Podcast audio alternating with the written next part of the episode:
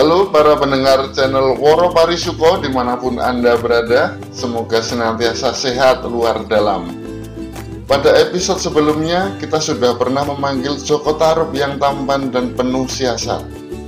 Hari ini kita hadirkan istrinya Nawang Wulan Perempuan yang cantik bagi bidadari Karena memang aslinya bidadari. Sebenar-benarnya bidadari Cuma pernah lama ngontrak di bumi Nyaris kerasan sebenarnya kalau saja tidak menemukan kembali jalan untuk pulang. Tema hari ini masih berhubungan dengan alasan kenapa sang bidadari kayangan ini akhirnya memilih untuk mudik ke kayangan. Langsung saja, inilah Nawang Wulan.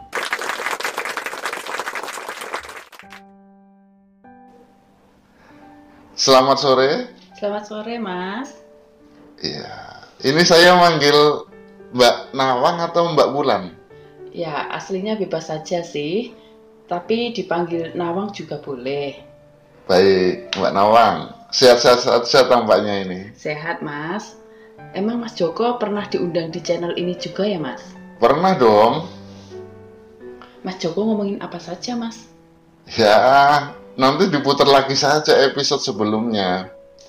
Tapi intinya beliau sama sekali tidak ngomong hal-hal yang buruk kok tentang Mbak Nawang.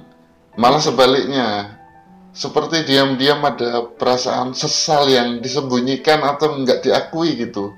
Biasa, laki-laki gitu Mbak. Oh, iya, iya, iya, gitu ya. Kenapa senyum-senyum gitu Mbak Nawang?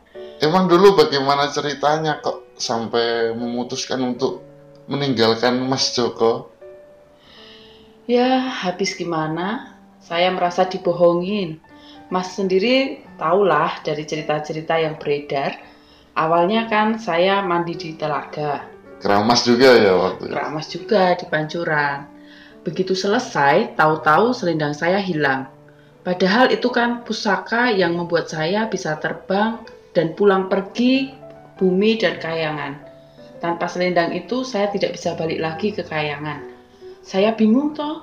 Lah di bumi ini saya cuma turis. Destinasi saya ya cuma telaga itu. Kalau sekedar piknik sih nggak masalah. Tapi kalau disuruh menetap ya saya belum siap. Nggak punya kenalan siapa-siapa di bumi. Nggak tahu daerah mana-mana. Pokoknya saya bingung dan kayak orang hilang waktu itu. Dalam kebingungan itulah Mas Joko Taruk muncul sebagai pahlawan. Langsung jatuh hati no? Enggak lah, ya jangan tampak segampang itu juga kan. Tapi dalam perjalanan waktu akhirnya ya begitulah. Begitulah ini jatuh hati gitu. Hehe. Lagi pula itu kan di hutan ya mas. Satu-satunya laki-laki yang muncul dalam kisah kami ya cuman Mas Joko Taruk itu. Ya, di episode kemarin itu Mas Joko sendiri mengakui kebohongannya pada Mbak Nawang loh. Yaitu bahwa Mas Joko itu menyembunyikan selendang Mbak Nawang, mm -hmm. lalu menghampirinya seakan-akan tidak tahu menahu soal itu. Nah itu, itulah yang membuat saya sedih, marah, sebel banget waktu nemu selendang saya di lumbung padi. Saya langsung ngamuk waktu itu. Terus reaksi Mas Joko gimana waktu itu Mbak Nawang? Biasalah, nangis-nangis, menyesal, minta maaf. Ya kayak di drama-drama di TV itu. Mbak Nawang sendiri gimana? Tega gitu. Ya, sebenarnya kasihan juga sih. Lagi pula saya juga sudah lumayan bahagia hidup bersama Mas Joko. Sekalipun hidupnya nggak mewah juga, nggak pernah diajak piknik, dibelikan baju mahal, atau sekedar wisata kuliner, tapi saya ya cukup menikmati perhatiannya.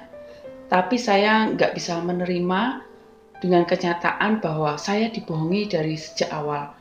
Bahkan bisa dikatakan hubungan kami didasari oleh dustanya Mas Joko.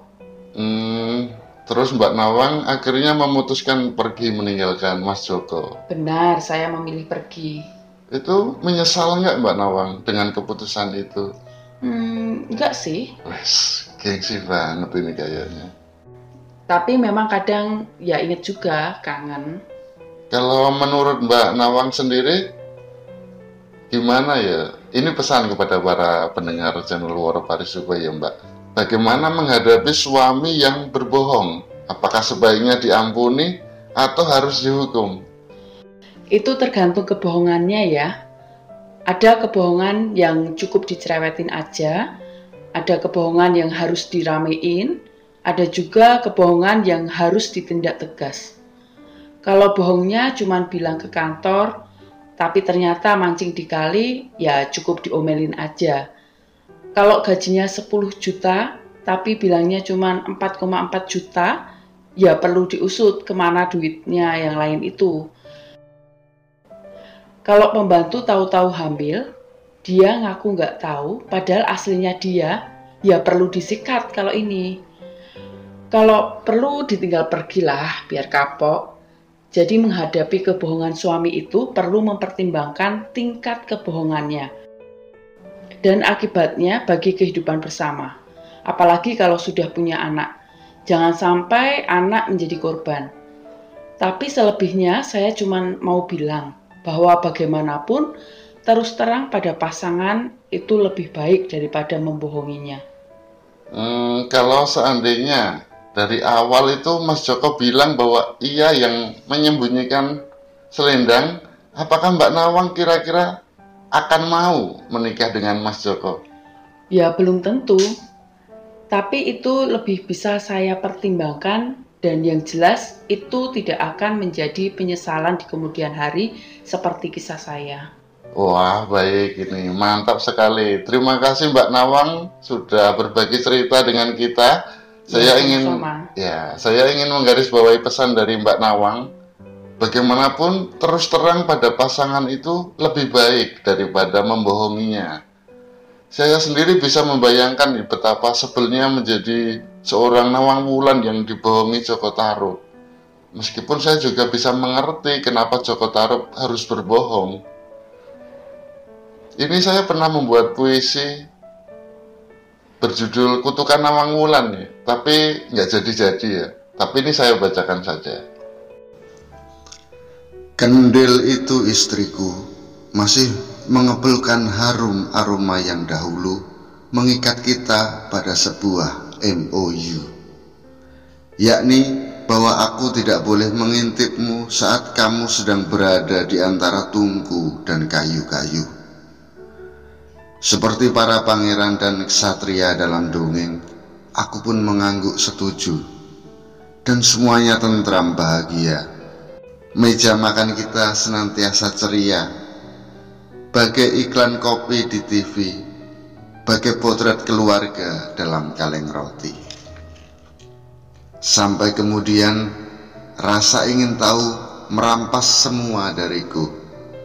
Tapi kendil itu istriku masih mengepulkan harum aroma yang dahulu. Para pendengar, demikianlah obrolan kita dengan Nawang Wulan. Semoga memberi inspirasi. Episode selanjutnya kita akan mengundang Malin Kundang yang akan berbagi tips tentang kiat sukses di perantauan. Sampai jumpa.